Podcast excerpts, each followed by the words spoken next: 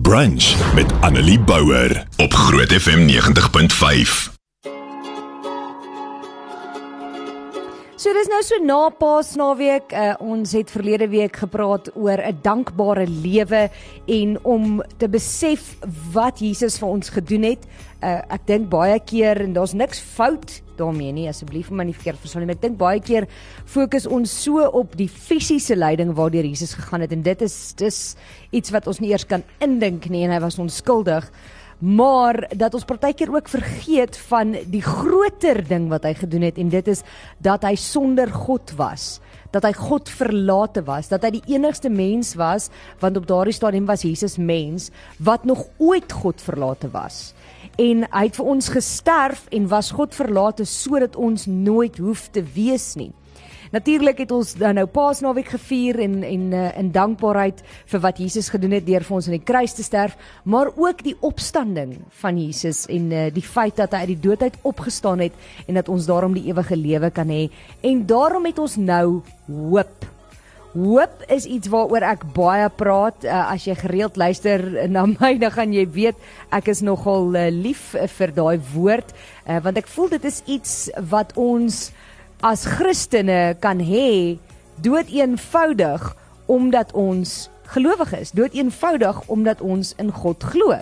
So ek lees Hebreërs 10 vers uh, vanaf vers 19 vir jou. Nou Dit gaan basies oor oor hoop en dit gaan oor wat Jesus vir ons gedoen het.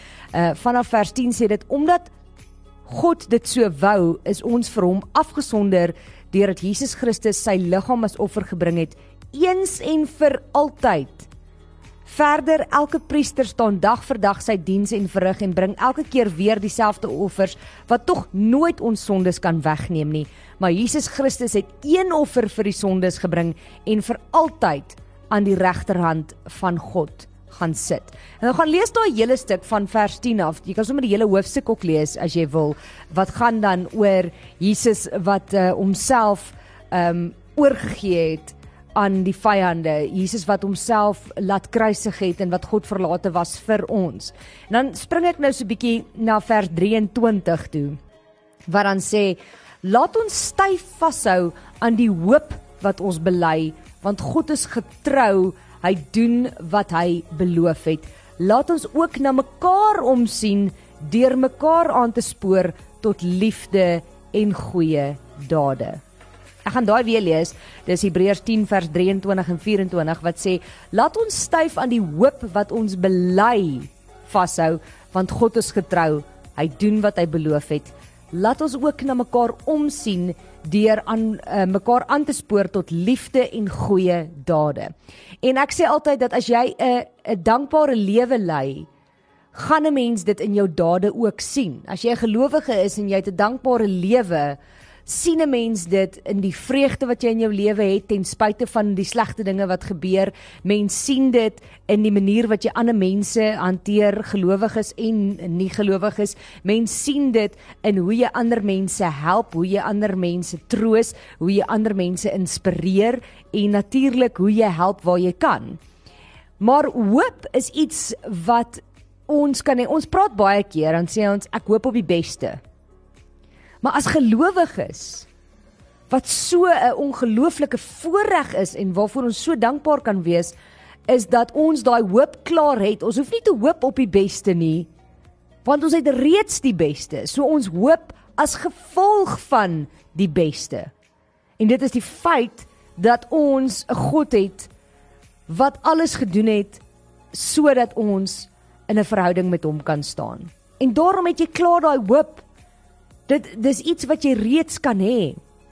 Nou, die Hebreërs skrywer open hier boonop 'n nuwe gesigspunt. Want hy suggereer dat hoop 'n inhoud het waaraan ons nie sommer sou dink nie. Hy sê terwyl jy hoopvol vorentoe kyk, kyk ook mooi na mekaar.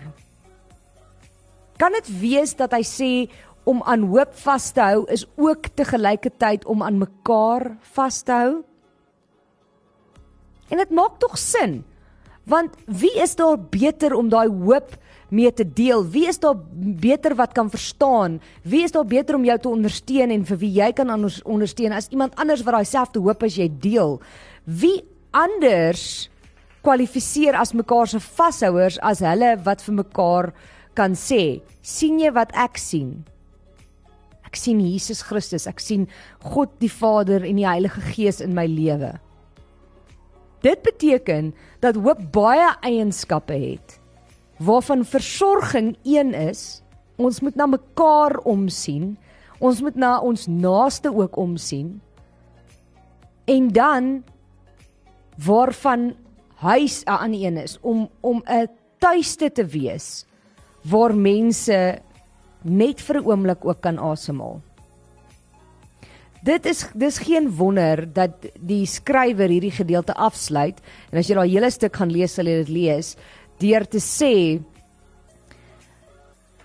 en eintlik 'n oproep te maak dat gelowiges tog nie van die onderlinge byeenkomste moet wegbly nie want ons het mekaar nodig.